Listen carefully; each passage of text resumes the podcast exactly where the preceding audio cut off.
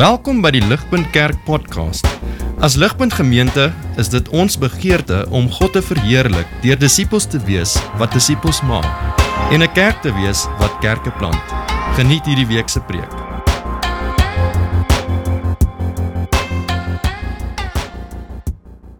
Goed. Ehm um, ons tema vir vanaand is hoe lyk 'n floreerende ehm um, lewe van 'n Christen? Ehm um, en die antwoord ehm um, dis op niks anders as op Christus gebou nie. Ehm um, alles semi-klisjé Christenwoorde, soos dit nou so sal gebruik, floreerende geloofslewe, hierdie hierdie ding waarna toe jy streef om die goeie lewe te hê. Ehm um, om dit regtig Jesus te volg en te kan sê hoorie dis regtig amazing. Hierdie is regtig die regte pad ehm um, waarna ek wil lewe. Ehm um, ek glo as 'n jong mens, ehm um, ek het nie gedink ek sal praat met mense en sê hulle is jonger as ek nie, maar ek moet dit dalk erken vanaand. Ehm um, is dit ongelooflik belangrik wat se pad jy instuur met jou lewe. Jy weet as ek nou amper moet dink aan 'n illustrasie, jy's soos 'n skip wat uit die hawe uitseil as jy nou half al jou ouers se geld op universiteit spandeer het en moet begin werk nou vir jou eie salaris en jou eie vakansie moet betaal of jy weet die lewe raak ernstig en dis asof jy nou 'n skip is wat nou uit die nes uit geskop word uit die hawe uit en jy moet nou die groot seewaters gaan aandurf. En dit is my altyd baie interessant, weet as ek nou by 'n reunie is of ek is middelderrigs so 'n baie desperate tyd. Ehm um, maar ek gaan nie met dit besig hou nie. Maar dan begin jy sien hoe mense se besluit uitgeloop het. Jy weet, iemand het in hierdie rigting ingeslaan en jy sien, just like it, as jy met hierdie besluite wat jy regtig jou hele lewe offer vir jou werk net volhou, dan val daar 'n klomp goed uitmekaar uit. Jy's baie wel af, maar jou verhoudings is 'n gemors. Of jy's iemand wat 'n afgod maak van verhoudings en net om romantiese verhouding te hê is alles vir jou in die lewe en jy dink dit gaan my gelukkig maak. Dan sien jy iemand wat op die einde van die dag sy lewe daarvoor gee, hy of sy en ons baie verwoesting wat in daai besluit te lê. Ehm um, dinge raak ernstig, jy weet as jy begin terugkyk, jy het vriende wat skei ewe skielik, jy het vriende wat werke verloor, mense wat jy afstaan in die dood. Ehm um, die lewe het het maniere wat dit uitwerk. Soos asof daai skip wat uitseil 'n klomp besluite geneem het en die die see was rof en hy's op plekke geskommel en daai afstande raak weier soos wat jy dalk besluit om jou eie pad te volg en nie dalk op iets stabieler te bou ehm um, as wat die waarheid is nie. En ehm um, dis hoekom ek argumenteer vanaand is jy op die belangrikste plek wat jy kan wees. Nie omdat ek hier is of omdat Maddie diens lei of ehm um, iemand wat jy ken jou hier wil hê nie. Maar omdat jy wil hoor wat God te sê het, ehm uh, wat God in sy woord sê. Want die wonderlike ding van die Bybel is is dat dit eintlik 'n stelling inneem van nommer 1 sy naam is Bybel is is the book. Jy weet dis nie 'n boek nie, dis die boek. Jy weet die waarheid, die boodskap wat hier binne is wil vir ons sê maar luister hierso, as jy jou lewe inrig volgens A tot Z wat hier binne staan, kan jy met sekerheid weet jy loop op die beste pad wat jy kan loop. Daar's niks anders nie. Dis wat Christendom so radikaal maak. Dis nie 'n geloof wat sê weet jy wat ek ek gaan saam met jou kan werk met jou al jou ander goedjies waarvan jy hou nie. Dis geloof wat sê nee nee nee, dis dis hierdie pad. Die ander paai het het 'n mindere waarheid. Ehm um, Nancy Pearcey het 'n ongelooflike boek geskryf wat my baie beïnvloed het wat getitel is Total Truth. Wat wat sê hoe die evangelie 'n totale waarheid is. Ehm um, dis nie iets wat 'n gedeelte van die waarheid het nie. Baie filosowe sê Christendom of of geloof is soos hierdie olifant wat ons almal probeer aanvat wat geblinddoek is en en een is op die stert en sê nee maar dis waar die lewe gaan. En en ander een is hier nie in die in die horings hulle sê o ja hierdie is waar Christendom gaan. Ehm um, of hulle is hier in die slurp of in die oor of waar ook al. Maar eintlik met Christendom probeer Christendom vir jou sê nee nee dit is 'n olifant Dit is hoe dit aan die voorkant lyk, dis dit aan die agterkant lyk. Dis hoe sy vel lyk, dis hoe sy voete lyk. Dit is Christendom. 'n Lang filosofiese inleiding wie dit probeer sê dat Christendom hierdie standpunt neem. Ehm um, die boek van Kolossense ehm um, bevind die kerk in 'n soort gelyke plek. Hulle bevind hulle op 'n plek waar dit 'n baie pluralistiese samelewing is. En wat ons met pluralisties beteken is, ek bedoel is daar's 'n geweldige hoeveelheid invloede. Dit is die moderne wêreld. Ehm um, die Jode het nou half tot 'n val gekom. Ehm um, daar is die mekaar invloede van verskillende gelowe, ehm um, mense wat snaakse goed aanvang, gode probeer bevredig. Ehm um, of dit nou van 'n Romeinse agtergrond is en of dit van 'n Joodse kant kom en of dit van net 'n mengelmoes van goed kom, daar's 'n magt om invloede. Mense doen alles wat hulle wil om hulle self te probeer vind in daai wêreld. En ehm um, so ons is nou ver uit Jerusalem uit, so Christendom begin nou al in daai moderne wêreld inbeweeg. Maar die geloof is jonk. Ehm um, daar's nog baie vraagtekens hoe werk dit want julle is half met die Jode maar julle is eintlik nie Jode nie.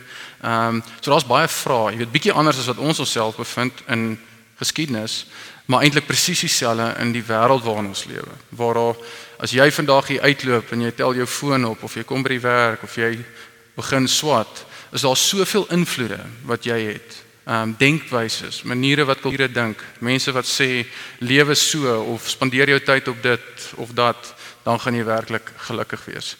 So met daai agtergrond wil ek graag hê ons moet na Kolossense kyk want ek glo dis die boek wat vir my die meeste rigting gee as ek voel my wiele kom af en ek verloor perspektief en ek weet nie waartoe gaan ek nie. Ehm um, soos soos Johan Versterpoen het seker al hier gepreek. Ehm um, nie regtig nie. Julle hou hom onder die onder die radar. Ehm uh, maar Anne Johan by Ligpunt het ehm um, met my eintlik toe ek op net begin werk het ook deur Kolossense gewerk en ek het dit so waardevol gevind. En die Here se soewereiniteit het ek hierdie gedeelte nog baie in die bediening gebruik ons daagliks om kerkplanters op te lei. So dis iets wat baie naby aan my sit omdat dit soveel rigting gee in 'n baie de mekaar wêreld. So ek gaan julle nie langer entertain om te sê julle moet luister nie. Ehm um, maar ek wil hê ons moet saam na Kolossense kyk. Ek gaan stout wees.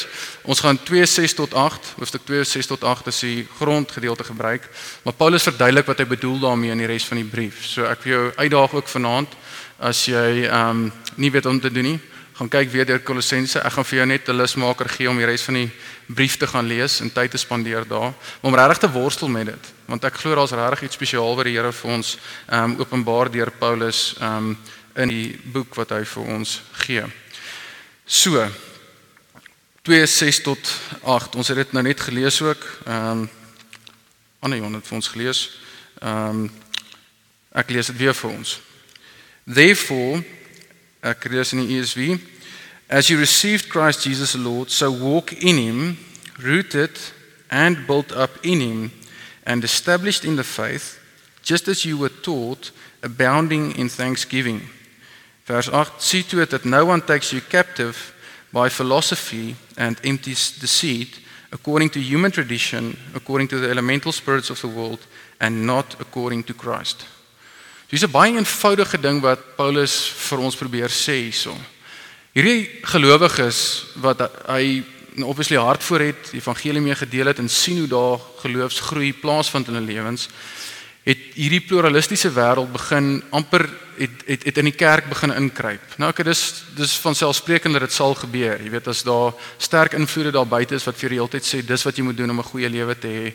Ehm um, beïnvloed dit hoe jy die Here dien, hoe jy met sonde deel, jou eie gebrokenheid, ehm um, en en hoe jy stem. Jy weet wat vir een wat se pad gaan jy in. En uh, Paulus maak 'n baie profound punt hier. So hy sê soos wat jy Christus ontvang het, bly in hom. Moenie moenie aanbeweeg na iets anders toe nie. Ehm um, daar is verskriklik baie ander filosofieë daar buite, maar maar bly in Jesus. Moenie aanbeweeg na hierdie ander goed wat baie aanloklik lyk en hierdie ander ouens so proklameer. Hulle het groot billboards daar buite in Kolosse. Jy weet dit is baie impressive. Hulle het wit tande, baie sterk, mooi girls. Jy weet alles lyk reg, groot karre, jy weet. Moenie daarin vasvang nie. Jy het Jesus ontvang, bly in hom. Nou dis baie interessant van Christendom. Dis omtrent die enigste geloof wat sê bly by die fondasie van die fondament. Moenie aanbeweeg en sê hoorie ek wil die ere doktorsgraad in Christendom hê nie. Daar bestaan nie so iets nie.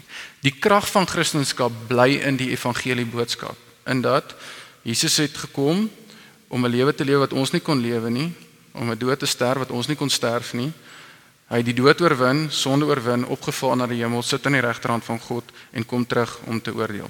Ons is gebore in sonde, die wêreld gerebelleer teen God en God het hierdie verlossingsplan gemaak om sy eie oordeel en toorn te bevredig sodat ons nou moet kan lewe wat na hom toe draai. Daai boodskap, daai evangelie boodskap is presies die boodskap wat jou bly laat groei en ontwikkel as 'n gelowige. Dis dis profound. Meeste ander gelowe het 'n mag wat hulle hou op mense en dis wat die reformatie eintlik herontdek het is dat jy moet nog bietjie presteer voordat jy God bevredig. Jy moet nog bietjie harder probeer en hoër spring, want dan is jy eintlik 'n ware Christen of dan gaan jy eintlik verandering in jou lewe sien. Ons het baie van dit in vandag se tyd waar hierdie ouens het wat sê gee vir my geld en ek gaan vir jou bid en ek gaan jou gesond maak. Of bid harder en God gaan jou genees van hierdie sonde in jou lewe of praat in tale en dan gaan dit jou beter gaan. Of wat ook al dit mag wees ons sal bietjie meer daar praat. Maar daar's baie van sulke goed wat in 'n dinamiek speel in ons wêreld ook. En Paulus sê bly gewortel in Jesus. Nou kom ons kyk gou hierso wat hy sê in vers 8 hy sê see to it that no one takes you captive by philosophy so filosofie wat populêr is in die tyd en empty deceit. So amper 'n uh, beskrywende voornaamwoord vir hierdie kulkunstenaarry wat hulle mense probeer verlei met hierdie filosofieë. So daar's ouens wat obviously invloed gehad het in Kolosse en hulle het hierdie gelowiges vasgevang met hierdie idees. Ehm um, daar's verskillende maniere wat hy dit beskryf. As saam hy wil volg om te glo ek praat die waarheid. Ehm um, kyk in Kolossense 2 vers 20 tot 23.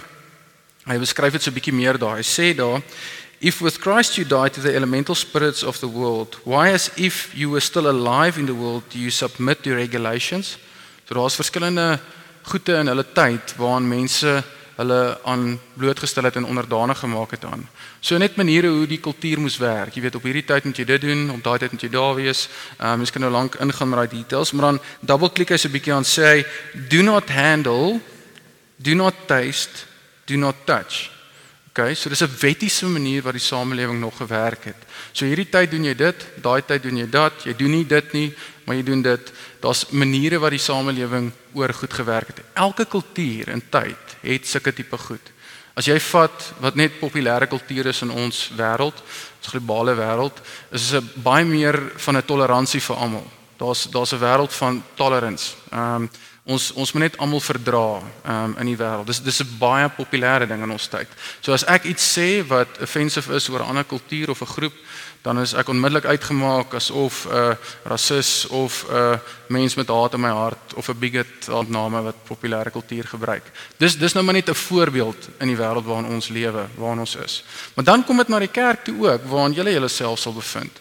Baie van ons kan dalk vanaand hier sit en sê Weet jy wat ek ek moes vanaand kom. Ek wil nie regtig kom nie, maar ek moet kom want dit is die regte ding om te doen. Met 'n hart van ek gaan God dalk bevredig as ek hier so sit vanaand. Ek gaan dalk God gerus stel as ek in die middel van die week by onsself groet uitkom. Ehm um, ek gaan God bevredig as ek mooi bid. Ehm um, as mense vir my sê ek's regtig 'n goeie Christen ensovoorts ensovoorts. Hierdie goed werk uit soos dit uitgaan. Ek dink een van die grootste goed um, in ons jonger kultuur is teen teen een hoe ons moet omgee vir almal en in touch wees met die kultuur om ons, ehm um, die wêreld om ons, al die al die issues wat daar is. Ehm um, dit maak jy ewe skielik woke en in en almal jy weet wat aangaan met die wêreld om jou. Maar daai goed is oral. Elke kultuur en tyd en plek het dit ehm um, om hulle. Maar dan gaan hy aan. Wat hy sê daar is, hy sê these ehm um, do not handle, do not taste, and they all perish as they being used according to human precepts and teachings. En sê vers 23, these have indeed an appearance of wisdom in promoting self-made religion and asceticism and severity to the body, but they are of no value in stopping the indulgence of the flesh. So okay, dink gou net daaraan, né? Ek gaan julle gou hierdie woorde probeer verduidelik. So asceticism, wie weet wat dit is? Okay, Lukas, my is wys. Ehm um, hy het te veel jare onder die belt. Hy's ook 'n mid-30. Ehm um, maar sitis is 'n is 'n manier waarop jy jouself ontneem van plesiere. So soos wat hedonisme 'n manier om te lewe vir absolute plesier en geluk op jou eie terme is die een ekstreem. Die teenoorgestelde van dit is asceticism. So jy's verskriklik hard op jouself. Jy ontneem jouself van plesiere. Ehm um, nie net ek gaan nie hierdie sjokolade eet of ek gaan my 6de koffie vir die dag drink of ek gaan regtig te veel eet vanaand of wat ook gluttony kan wees, maar dis 'n manier wat jy jouself ontneem van goed in die lewe. Wat 'n populêre sienswyse van daai tyd was. Ehm um, mense wat eintlik 'n hoër spiritualiteit uitleef sodra hulle self ontneem daarvan. Nou al die goed het 'n mate van waarheid. Ek bedoel, jette, jy kan nie net hier uitgaan in Pretoria en eet wat jy wil nie. Jy gaan 'n diabetes word en op 40 dood wees van een of ander hartkondisie. Jy kan nie. Maar daar is wysheid in dit, maar dit is nie die gospel nie. Dis nie die goeie nuus in en van dit self nie.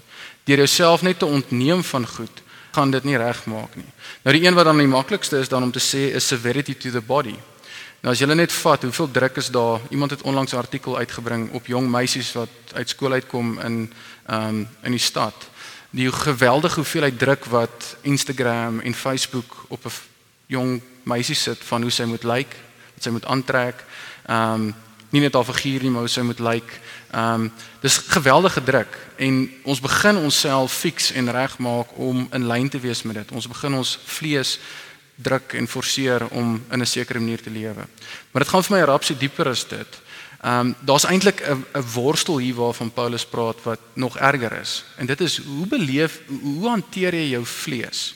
Ehm um, en ek bedoel hier met daai donker goed wat agtertoe deure gebeur. Daai Pieter wat ek sien as nie almal kyk nie. Ehm um, wat jy skrik en jy sê, "Wow, het het ek nou net dit gesê?"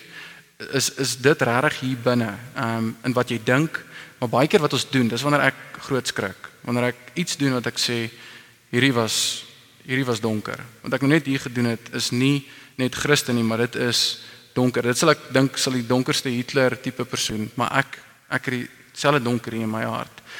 Hoe deel jy met dit? Want wat Paulus hier sê is baie goed om op jou vlees hart te wees en te sê ek gaan my vuiste wit maak en hart maak ek gaan deur hierdie ding kom. Sê hy werk nie. Dis 'n crazy gedagte, né? En ek hoop dis vir jou eintlik slegte nuus as jy iemand is wat hard probeer. Baie van ons A-tipes wat regtig als reg kry en altyd 'n A kry. Ehm um, hou daarvan om dit baie keer te doen. Dis amper hoe ons cope met ons lewens. Maar dit dit stop nie die monster daar binne nie. Ons vlees wil nog steeds baie keer uitbreek. En die vraag is, hoe keer jy daai monster om uit te breek? Want Paulus sê hierso, dit gaan nie help om jou self op hart te wees nie, om jouself te ontneem van plesiere nie, of om te sê ek gaan nie hierdie aanraak nie en ek gaan nie aan dit raak nie, ek gaan hierdie doen. Daai is nie genoeg nie. Jou wilskrag is nie genoeg om dit te beheer nie. So nou is die groot vraag, maar hoe dan? Paulus, hoe hoe Here moet ek lewe dat ek nie my eie lewe verwoes oordat ek kwaad word by die werk of op my universiteit of met 'n pel of met my meisie en iets sê wat ons verhouding verwoes of my werk kos of wat ook al nie. Hier is die antwoord. Dankie dat jy gele gevra het. Ehm um, 3 vers 1 tot 4. Ek ek gaan dit vir ons lees en dit dit maak die punt vir my verskriklik duidelik. If then you've been raised with Christ and Paulus kla hulle amper aan en sê hy, ek het vir julle gesê julle moet in Jesus bly. If you then been raised with Christ, seek the things that are above where Christ is, seated at the right hand of God, and set your minds on things that are above not on things that are on earth. For you have died, and your life is hidden with Christ in God. And when Christ, who is your life, appears, then you will also appear with him in glory. So kom hier's 'n paar profound gedagtes wat Paulus hier deel. Wat hy sê, okay, Paulus, ek moet pas op vir ek gaan op my eie probeer. Ek moet pas op vir mense wat sê ek moet op so 'n manier lewe of op so 'n manier lewe. Wat is dan die regte manier? Hoe kan ek my vlees nie net in toom hou nie, maar eintlik hernuwing sien. So die die woord wat ons in die Nuwe Testament gebruik, ehm um, of in teologie gebruik is ehm um, heiligmaking, jou jou sanctification. Hoe hoe word ek Pieter tyd 0 of Pieter tyd stip 2 meer heilig, 'n beter Pieter, een wat meer liefde uitstraal. Hoe werk daai proses? En en en hierdie is die antwoord wat Paulus gee. En dit is glad nie profound in 'n sekere sin nie, want ons weet wat sy antwoord. Maar die impak daarvan is massief soos ons dink oor daai klein skip se rigting is waarmee hy invaar. So weer eens eerste sê hy jy is opgerig saam met Christus. So soek die dinge waar Christus is. So daar's 'n spesifieke plek waar Jesus sit. En waar sit Jesus? Hy's aan die regterhand van God. Hy regeer. So ons het Paastyd nie te lank terug ehm um, dit oordink nie die hele Paas boodskap. Jesus het gesterf opgevaar in die hemel. Hy sit aan die regterhand van die Vader, en waar hy sal kom om te oordeel, wat ons sê in ons geloofsbelijdenis. Dis waar Jesus is op hierdie oomblik. So hy sê vir hierdie ouens in Kolosse wat voel asof hulle Christendom so bietjie tandloos is. Daar's nie regtig genoeg krag om een op te staan teen die filosofie van hulle tyd nie. Jy weet hulle moet so bietjie iets inmeng saam met hulle Christendom en hulle moet voel om hulle eie sondigheid te oorwin, moet hulle so 'n bietjie meer presteer op hulle eie. Hulle moet so 'n bietjie die heiligmaking op hulle eie inneem en op hulle eie probeer om om beter te word. En hier sê Paulus, nee nee nee nee. Fokus op waar Christus is. Nou dis 'n ongelooflike bemoedigende boodskap want dit beteken dis nie op Pieter of Matt of myself aangewese nie. Dis want Jesus regeer. So die antwoord wat ons vir onsself moet sê wanneer ons in daai oomblik is wat ons voel, maar weet jy wat? Ek moet inwees by hierdie ouens by die werk of ek moet inwees by hierdie pelle of hierdie sosiale kring. Ek moet hierdie filosofie aanneem. Ehm um, ek moet my onderwerp aan hierdie subkultuur waarin my vriende is. Is die waarheid? Nee nee nee nee, Jesus is my koning. Ek weet waar hy is. Hy regeer en ek maak my lewe onderdanig aan sy heerskappy. Ek weet hy werk in my lewe. So dis die eerste plek. Paulus sê vir ons weet waar Jesus is.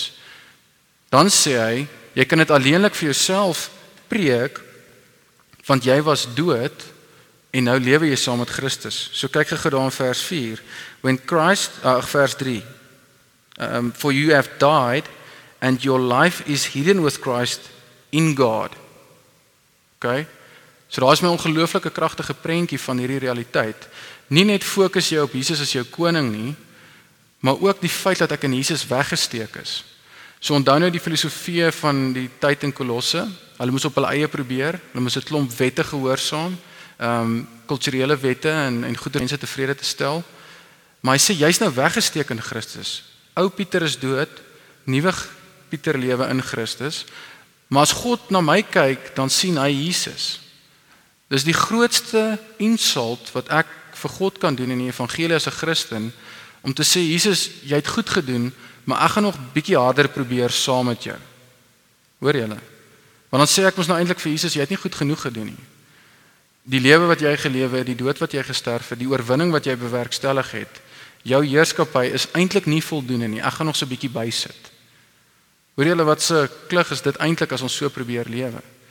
En veral in 'n wêreld waarin daar soveel versoekinge is en soveel invloede is en stemme is wat vir jou probeer sê hier's die drie stappe tot 'n beter jy of jy moet met hierdie cool crowd uithang of jy moet hierdie werk hê of jy moet hierdie amazing eat pray love trip doen om eintlik ware kristendom te ontdek.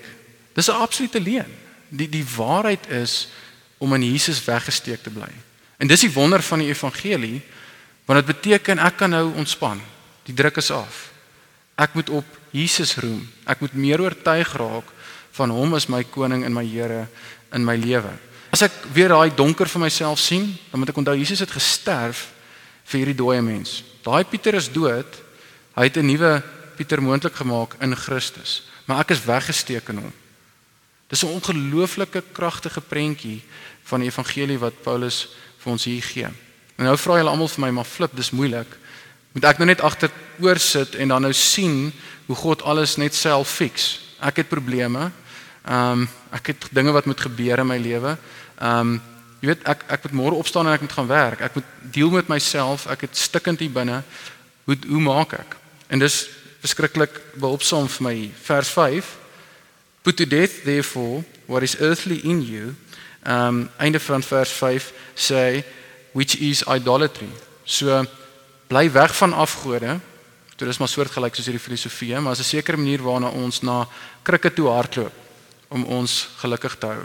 So soos wat jy in Jesus weggesteek is, sê Jesus, bly weg van hierdie afgode wat vir jou die goeie lewe beloof. 'n Groot genoeg bankrekening, 'n nice genoeg kar, huis, staf of hierdie verhouding of hierdie ultimate ding wat my gelukkig gaan maak. Dis die groot vraag om jouself te vra. As ek geweldig ongelukkig is, wat is dit wat my so ongelukkig maak? Daai ding is gewoonlik die ding wat 'n afgod is in ons lewens. Of daai ding waarvoor jy al jou krag en energie gee om te sê dan gaan ek werklik betekenis en die goeie lewe kan hê. Dis gewoonlik afgod. Jesus sê maak daai goed dood. Veg teen dit. Ons almal het sulke goed in ons lewens. En dan die laaste punt wat hy sê is vers 12 put on then as God's chosen ones, holy and beloved, compassionate hearts, kindness, humility, meekness, and patience, bearing with one another, and if one has a complaint against another, forgiving each other. As the Lord has forgiven you, so you must also forgive. En dis die eerste doen deel hierso. Hoor julle hoe werk daai logika? Wees in Christus, weggesteek en oortuig van waar hy regeer. Sit af, maak dood hierdie ou self en sit aan hierdie nuwe lewe. van Christus. Nou om vanaand hier te wees is eintlik 'n mate van dit. Om in gemeenskap te lewe beteken ons maak mekaar seer. Daar is opinies oor mekaar. Ehm um, daar's hierdie plek waar ons onder Jesus heerskappy probeer saamlewe. Daar's 'n meervoud lewe daar waarvan hy praat van meer as een mens. Dit wat jy op jou eie doen nie. So die enigste doen hier eintlik is vir ons om te sê ons moet dit saam doen. Om hierdie ongelooflike klein gemeenskap volgens nommers te hê is eintlik 'n ongelooflike voorreg. Ehm um, dis die voorreg van 'n gelowige om saam met ander gelowiges hierdie worsteling te kan uitleef in 'n baie pluralistiese lewe. Nou oké, okay, ek wil dit net nou saamtrek. So hoe lewe 'n gelowige of enige mens die beste standvastigste lewe in hierdie wêreld? 'n Lewe wat nie net werk nie, maar 'n lewe wat floreer. Ehm um, ten spyte van al die strome en dinge wat na sy kant toe kom. Wel eerstens bly weg van filosofieë en mense wat agter daai filosofieë sit wat jou wil probeer vasvang dat jy nie vir Jesus kan raak sien nie. So top 2 is sien vir Jesus raak in wat hy vir ons bewerkstellig het in die evangelie. Jy was dood in hom, jy het lewendig geword, jy's weggesteek in hom en jy rus in dit. En dan maak ons dood die afgode in ons lewe en sit aan hierdie gemeenskap wat ons saamlewe en dit beoefen saam met mekaar. Dis 'n verskriklike eenvoudige maar profound manier wat die Here ons aanmoedig om hierdie lewe saam te lewe. En dis my hoop vir is dat soos wat julle in hierdie wêreld uitgaan en soos wat julle as jong mense in die pad aanhou bly loop, laat dit vir jou sal hoop en lig bring soos wat vir my gebring het om te weet dat dit so bitter eenvoudig is. Um om te weet dat ek ander broers en susters nodig het wat hierdie pad saam met my loop, wat my herinner hier aan dat dit so eenvoudig is en dat ek nie 'n ander afdraaipad gaan vassit en 'n ander leen glo wat daar buite is nie. So ek gaan ons bid en vra dat die Here dit waar maak. Um in ons lewens. Vader is 'n voorreg om na u woord te kan kyk en te kan sien hoe eenvoudig die evangelie is. Ehm um, in 'n sekere sin, maar maar tog is dit die krag van God wat ons volle werking kom soos Romeine 1:16 sien. Leer en ek bid vir elkeen wat u voor voor my sit vanaand en en vir myself leer dat ons werklik die evangelie sal glo. Ehm um, dat ons nie hartseer mense sal wees wat kerk toe kom, die evangelie hoor, maar dit nie toepas in ons lewens nie. Dat ons mense sal word wat die waarheid van Jesus wat die lewe geleef het wat ek nie kon lewe nie, wat nie een van ons kon lewe nie om om u heilige standaard te bevredig nie. Ehm um, dat dat ons daarin kan rus, Vader, dat ons nie op ons eie sal probeer om by u uit te kom ons eie prestasie nie leer. Ons het soveel stemme in ons lewens, ouers, vriende, ehm um, kollegas leer wêreld beelde en sienings leer wat ons so vashou en en beïnvloed Vader en ons ons pleit by u genade vir u gees om ons die waarheid te openbaar veral in daai moeilike plekke in ons lewens daar waar ons seer het en hartseer waar ons sukkel om hierdie waarheid te glo ehm um, waar ons ou lewe waar voor ons eintlik dood gegaan het in u ons terugroep en ons herinner van ons gebrokenheid um, pleit ek dat ons die waarheid sal glo dat ons in Jesus weggesteek is deur ons geloof en ons vertroue in hom. Vader mag hierdie goed bly openbaar in ons lewens. Ehm um, waar daar moontlike afgode is wat ons vasvang en verstrengel en waar ons sukkel om om u werklik te sien waar daar krikke is waarop ons staan in plaas van om werklik in geloof ehm um, agter u aan te loop, Vader.